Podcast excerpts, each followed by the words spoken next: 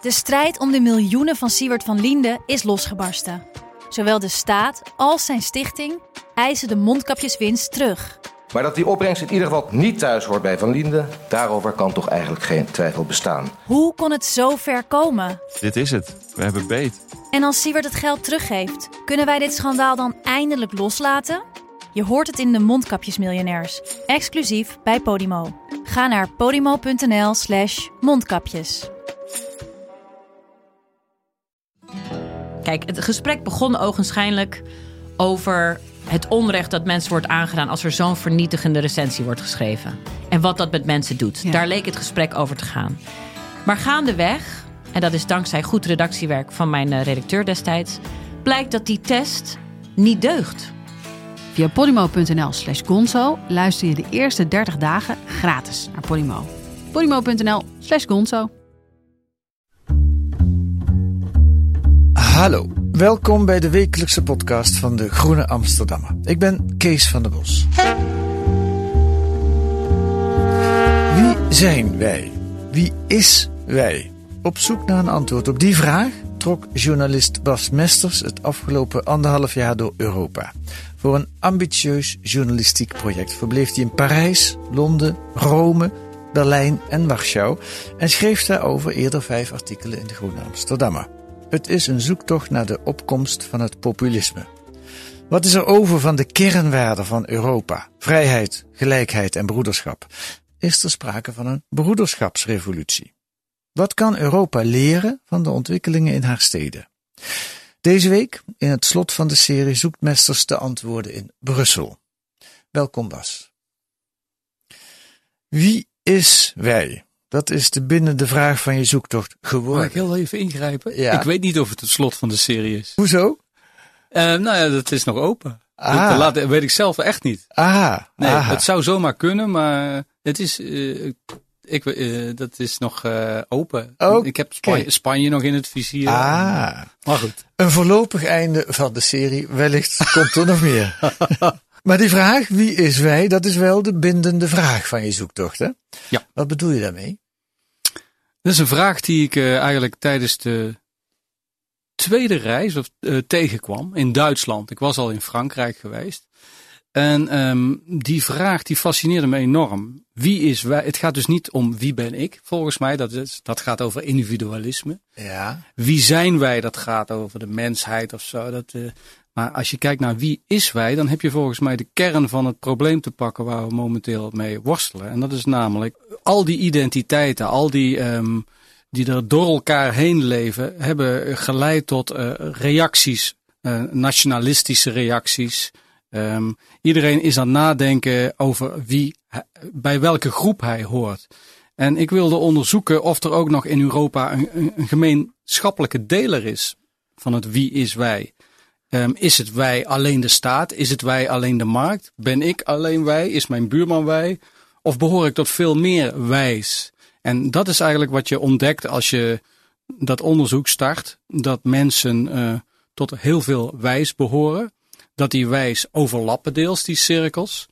Als je daarover nadenkt, als iedereen tot meer wijs behoort, dan zou je bijna kunnen zeggen dat die hele polarisatiedrang, een discussie, dat dat een bedrog is. Omdat je niet tot één cirkel behoort, maar tot meerdere cirkels.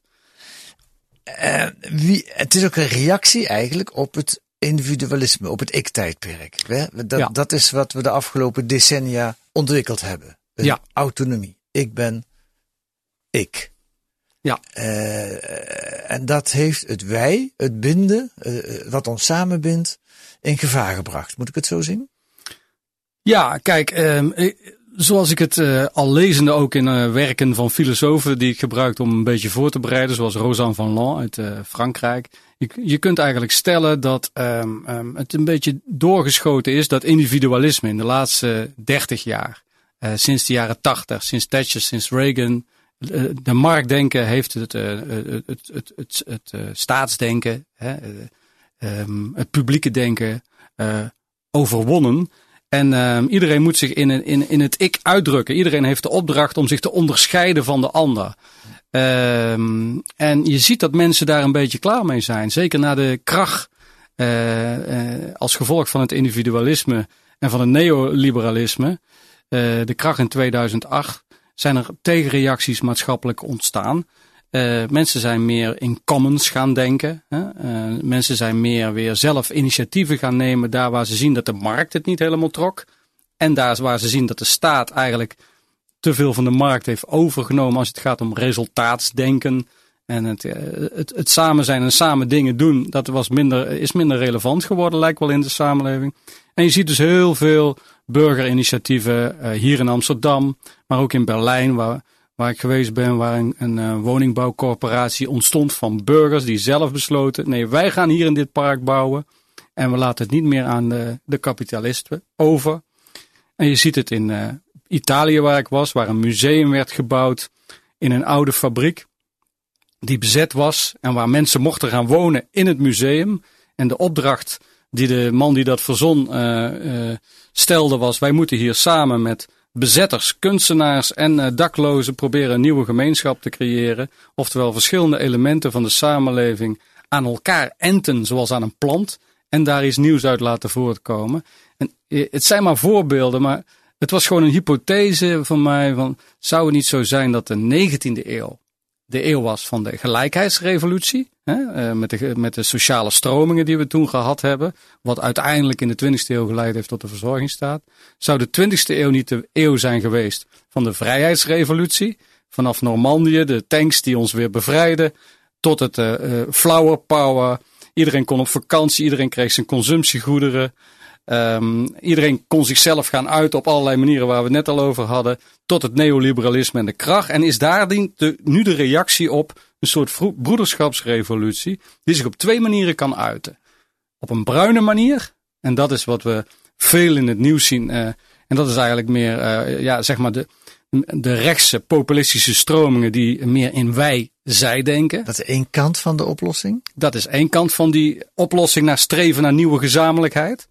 En de andere kant is de, al die initiatieven die vooral op buurtniveau plaatsvinden in de steden, waar mensen samen uh, weer uh, met, met ecolandbouw in de stad beginnen. Of dat museum wat ik net noemde, of een nieuwe woningbouwcorporatie, of duurzaamheidsinitiatieven. En dat noem ik dan de regenboogbroederschapsrevolutie. Ja. ja. je moet er een term voor verzinnen, nietwaar? Maar die twee elementen kom je overal in Europa op dit moment tegen die voorbeelden heb ik ook allemaal, ben ik tegengekomen in jouw artikelen. We gaan het straks wat preciezer uh, voor Brussel bekijken, omdat dat je, je recentste artikel is. Maar even nog terug naar, kijk, je bent, bent een man van de grote lijnen, als ik dit zo hoor. Hoe zet je dat om in een journalistiek project? Op een gegeven moment zit jij op je kamertje dit te bedenken en dan denk je, dit ga ik eh, voor de groene of dit ga ik journalistiek onderzoeken. Hoe werkt dat? Nou, het, werkt, het is eigenlijk bijna identitair. Uh, ik heb cultuurgeschiedenis uh, gestudeerd. En daarna lang journalist geweest. In Italië gezeten onder Correspondent andere. in Rome geweest. Ja. En um, nou, ik, ik, maakte me gewoon zorgen, bij wijze van spreken, voor mijn uh, kinderen ook. Uh, ik dacht van, en, en in 2017, januari, toen verschenen er allerlei boeken rondom The End of Europe. Dat was vlak voor de nationale verkiezingen in een heleboel landen. En toen is dat langzaam gaan spelen. Ik, mijn, mijn werk ik was directeur van de opleiding journalistiek in, uh, in Zwolle. En dat was een, een opdracht voor drie jaar. En ik had zoiets, ik wil gewoon weer echte journalistiek in. En ik dacht, ik neem nou eens echt een onderwerp wat mijzelf echt veel zorgen baart. En waarvan ik vind dat daar op een andere manier ook over geschreven moet worden. Dus niet alleen kijken naar wat ons splijt, ja. maar ook in beeld brengen um, wat ons bindt. Oké, okay, dat, dat, dat is de passie die erachter zit. Ja. Uh, maar dan, het handwerk. Hoe maak je daar een journalistiek verhaal van? Ja, het handwerk is, uh, ik, ik, uh, is gewoon aldoende leert men. ik heb wat boeken gelezen voordat ik vertrok. En toen ben ik naar Parijs gegaan met het idee, um, ik ga erheen. En als het niks wordt, dan doe ik niks. Maar ik ga gewoon kijken. En het idee was, ik ga overal, als er verkiezingen zijn, dus ik ging naar Parijs toen daar verkiezingen waren en Macron uiteindelijk gekozen werd. En mijn stelling was, als je naar een land gaat dat in verkiezingsstrijd is, dan kijkt het heel erg goed naar zichzelf. Dan zie je ook heel veel artikelen in de tijdschriften en op tv. Zie je heel veel te, uh, uitzendingen die zelfreflectief zijn. Dus daar kun je snel heel veel leren van een land. En daar kan ik dus ook veel voorbeelden vinden van die ik zoek. En ook denkers die op die manier denken, die manifesteren zich dan. Ja. En dat bleek ook te werken. Want in, ik ging zonder enige concrete voorbereiding, zoals je altijd hoort dat mensen product, vooraf van alles produceren. Ik ging er gewoon heen en ik heb daar goed de, de, de, het nieuws, de kranten, de magazines gelezen. En de mensen die ik interessant vond in die artikelen ben ik gewoon via Twitter en LinkedIn gaan benaderen. En binnen vier dagen zat ik midden in de banlieue te praten met Hadema Traoré, een revolutionair die een fantastische brug sloeg met een reclamemaker in het centrum van de stad. Jean-Jacques Sebille. En die, dus de man vanuit de burcht, het centrum van de stad, was de periferiek overgegaan met een Facebook berichtje. Hij, hij had tegen uh, Hadema gemaild, uh, als jij je kandideert voor president van Frankrijk, dan stem ik op je. Omdat die man zoveel mooie sociale projecten deed in de periferiek. En daar kwam een samenwerking uit voort. En uh, dat was precies wat ik zocht, namelijk. Tegenste, tegenstelde groepen die elkaar opzochten en een nieuwe verbinding en een, nieuw, nieuwe gezamenlijkheid creëerden. En dat blijkt dus te werken. Als je gewoon maar in een land gaat verblijven en vertrouwt erop als journalist dat het komt, dan komt het gewoon. Dan hoef je niet bang te zijn. Dat vooraf produceren, dat is nooit zo mijn ding geweest. Als ik twee adresjes had, ook als correspondent in Italië tien jaar lang, dan ging ik erop af en dan gebeurde het ter plekke. Ik geloof eigenlijk dat je op die manier de, de werkelijkheid beter kunt raken dan wanneer je het allemaal doet op basis van wat er geschreven is door anderen. En toen ging je naar Brussel. Wanneer ben je daar geweest eigenlijk? Een paar weken geleden? In Brussel ben ik geweest, uh, oeh, dus ongeveer een, uh, nou, een week of zes geleden, denk ik. Oké. Okay. En dan kwam je onder andere hier terecht.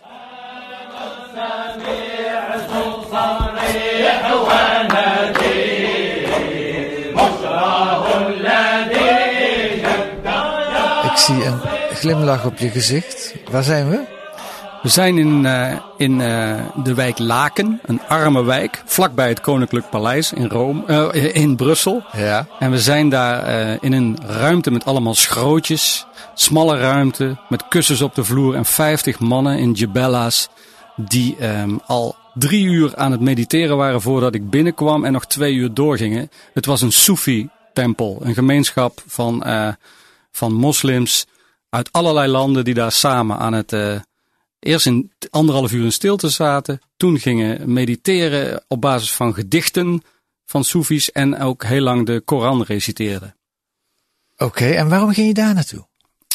Ik ging daar naartoe omdat ik daarvoor had gesproken met Johan Leeman. Dat is een cultureel antropoloog die al 50 jaar daar bij Foyer werkt. Zeg maar een soort van uh, cultureel centrum wat allerlei groeperingen die aankomen in de stad probeert, uh, ja, een integratiecentrum zullen we het maar even noemen. En die had je weer opgedoken uit berichten in kranten? Of? Johan Leeman had ik, dat was een van de twee, drie mensen die ik hier in Nederland al verzameld had. Okay. Die, daar moest ik heen. Oké. Okay. Ja. En met hem heb ik lang gesproken en hij, een van zijn stellingen was, en die vond ik heel fascinerend, want ik wilde eigenlijk Brussel gebruiken als, nou daar komen we dadelijk waarschijnlijk op, maar wat zijn stelling was, Brussel is een enorm religieuze stad. En dat fascineerde mij. Ja. Het paste ik, ik werd erdoor verrast. En aan de andere kant dacht ik, dit past wel enorm in waar ik eigenlijk al zes afleveringen mee bezig ben. Maar dan moet je religie niet interpreteren als iets wat gericht is naar een god. Maar ook naar iets wat, als je neemt religare, dat woord. Dat wilde ik net zeggen. Dat... Het Italiaans, dat betekent verbinden, ja. herbinden. Ja. En uh, toen dacht ik, verdomd, ja, Brussel, Berlijn, eigenlijk is heel Europa heel religieus en herbindend bezig in deze tijd van individualisering. Dus laat ik eerst de, de, de, de, religieuze kant gaan bezoeken die nog wat binding heeft met ook een god. En dat waren die Soefies. Laat ik eens niet gaan naar de, de moslimtempel, waar het heel orthodox gaat, eraan toe gaat en volgens regels vaker.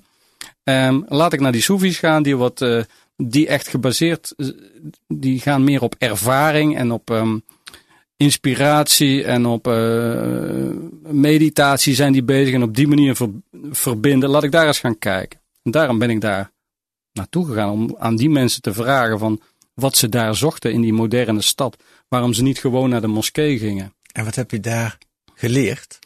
Wat ik daar geleerd heb is dat eigenlijk uh, wat zij daar doen enorm veel lijkt op wat heel veel moderne, jongere Nederlanders, Europeanen doen. Uh, yoga.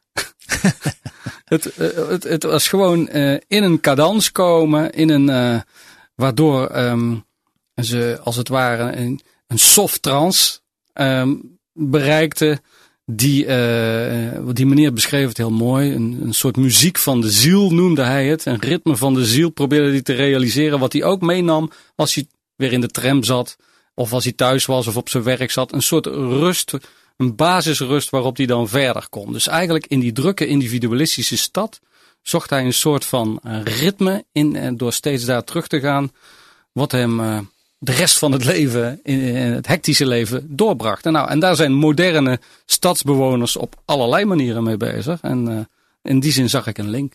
En je plaatst dat in dat grotere verhaal van het zoeken naar een wij.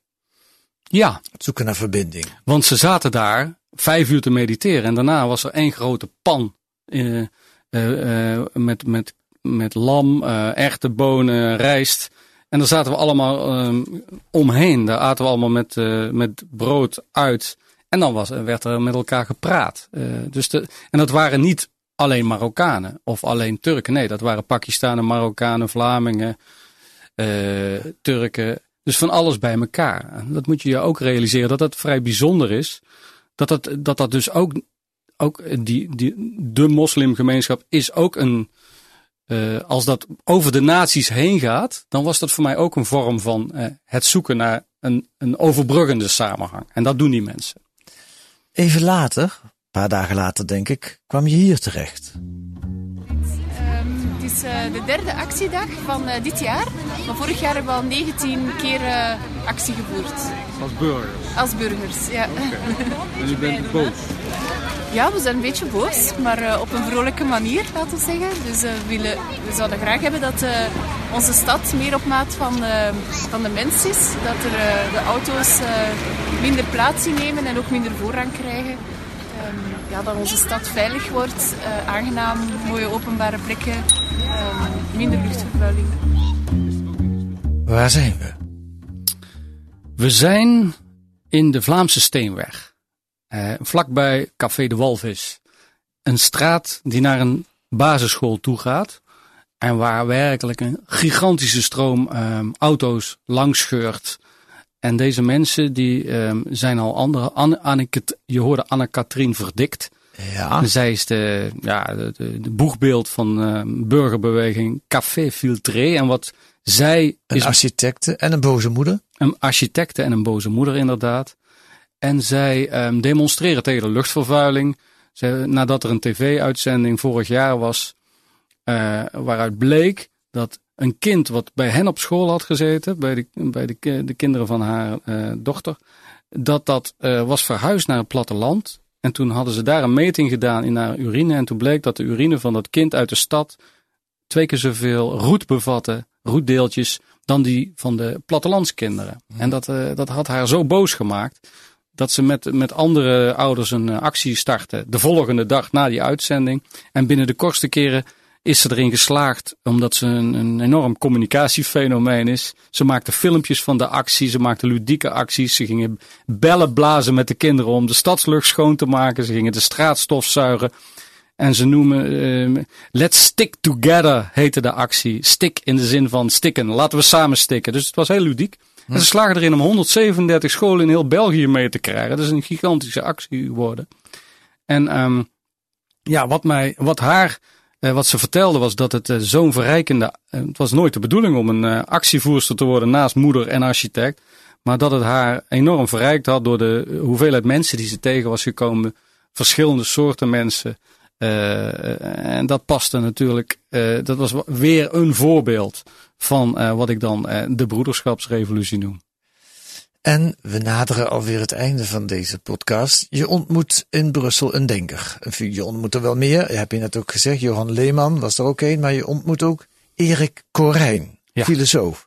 En Erik Corijn zegt dit tegen jou.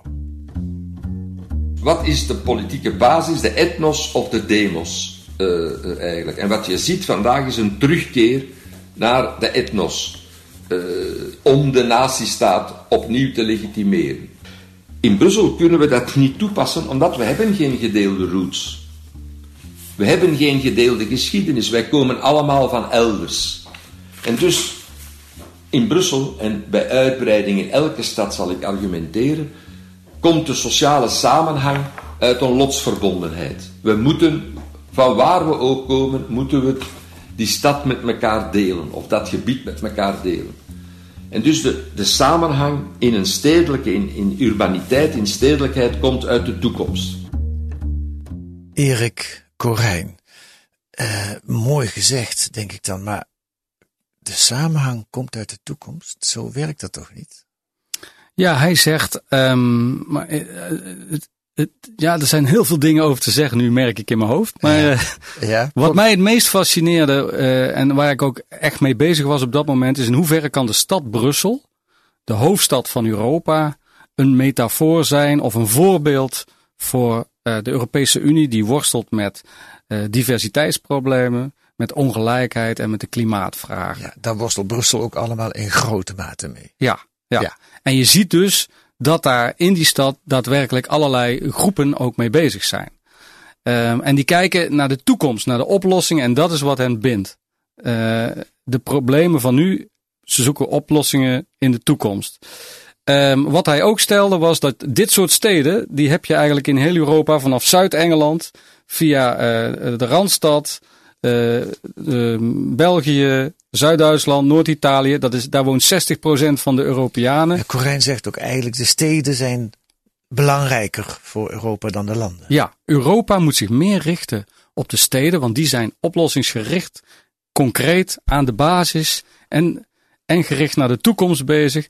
En de naties, zegt hij, die zijn zich tegen elkaar aan het afzetten. Die, die richten zich op het verleden, die richten zich op de etnos, het, etnisch, het bloedverband. En hij zegt dat is een achterhaald principe, want we zijn al zo gemengd geraakt. Dat, dat zie je voor populisten, die doen dat ook. Ja, die doen dat. Ja, die doen dat met hoofdzaak. Het nationalisme erin brengen. En sommige partijen gaan daar, gevestigde partijen gaan daarin mee. Hij zegt dat is kijken naar het verleden. Maar dat socialisatiemodel, zoals hij dat noemt, op basis van de etnos kan niet meer, omdat we te gemengd zijn. Hij zegt je moet de demos als uitgangspunt nemen. En de demos, dat is gewoon um, de mensen die hier op dit moment op deze plek zijn. Uh, waar je bent, dat moet bepalend zijn. En dat zie je gebeuren steeds meer in de stad. Um, als je ook kijkt waar de strijd, de druk, de druk richting um, de, de multiculturele samenleving, die zit op het platteland. Daar zit ook het nationalistische denken veel meer. Mm -hmm. Maar de stad, dat kan het uh, verbindende element zijn voor een Europese Unie in de toekomst. Daar moet de Europese Unie van leren. Van de worstelingen van de lokale instituties met die bevolking die wil veranderen. Zoals je al zegt, er is nog veel meer over te zeggen. Uh, lees dat in De Groene in jouw uitgebreide artikelen. Um, aan jou nog als laatste vraag. Ben jij nou hoopvoller geworden door dit project? Of zie je eerder de problemen toenemen? Nou, ik ben wel, ik ben, ik geloof, ik ben wel meer gaan uh, geloven in, in het zelfreinigend vermogen van een, uh, van, van, van een bevolking. Uh, in de zin van zelfreinigend is misschien totaal het verkeerde woord. zelfreinigend in de zin van oplossingsgerichtheid. Ja. En waar, eigenlijk wat ik heel belangrijk vind is dat de journalistiek dit soort verhalen, um, waar burgers um, op een vreedzame manier naar veranderingen zoeken door concrete handelen in plaats van te schreeuwen over waarden en normen, maar concreet samen de dingen aandurven te gaan, denk je dat je dat veel meer in beeld moet brengen, zodat mensen uh, dat zien en het misschien ook gaan navolgen. En ook de mensen die het al doen, veel meer bevestiging zien dat ze niet alleen zijn als ze dat doen. Uh, ik denk dat dat tegengeluid, gewoon om een eerlijk verhaal over de werkelijkheid te vertellen, dat je ook dat geluid moet laten zien. Anders laat je maar de helft van de werkelijkheid zien. Dankjewel Bas voor deze hoopvolle uh, boodschap. Dus constructieve journalistiek noemen ze dat bij Zwolle, waar jij directeur bent geweest. Ik heb dat drie jaar lang uh, aange aangewerkt, helpen dat uh, introduceren in het curriculum en daarna heb ik besloten om het zelf toe te passen. Oké, okay, dankjewel. Meer te lezen in De Groene. Elke week zijn wij er weer met analyses en achtergronden bij het nieuws in deze podcast van De Groene Amsterdammer. Lees deze week in De Groene ook een onderzoek naar de decentralisatie van de WMO, de wet maatschappelijke ondersteuning, waardoor grote ongelijkheid is ontstaan. In feite bepaalt je postcode hoeveel thuiszorg je krijgt of hoeveel hulpmiddelen. En een achtergrondreportage over corruptie met EU-subsidies.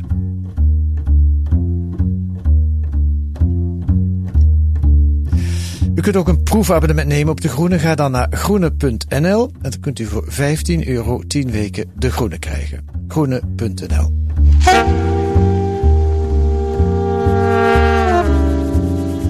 En volgende week zijn wij er weer. Deze week werd de podcast De Groene Podcast gemaakt door Laura Kelderman en Kees van der Bos. En de muziek is A Tune for N van Paul van Kemenade.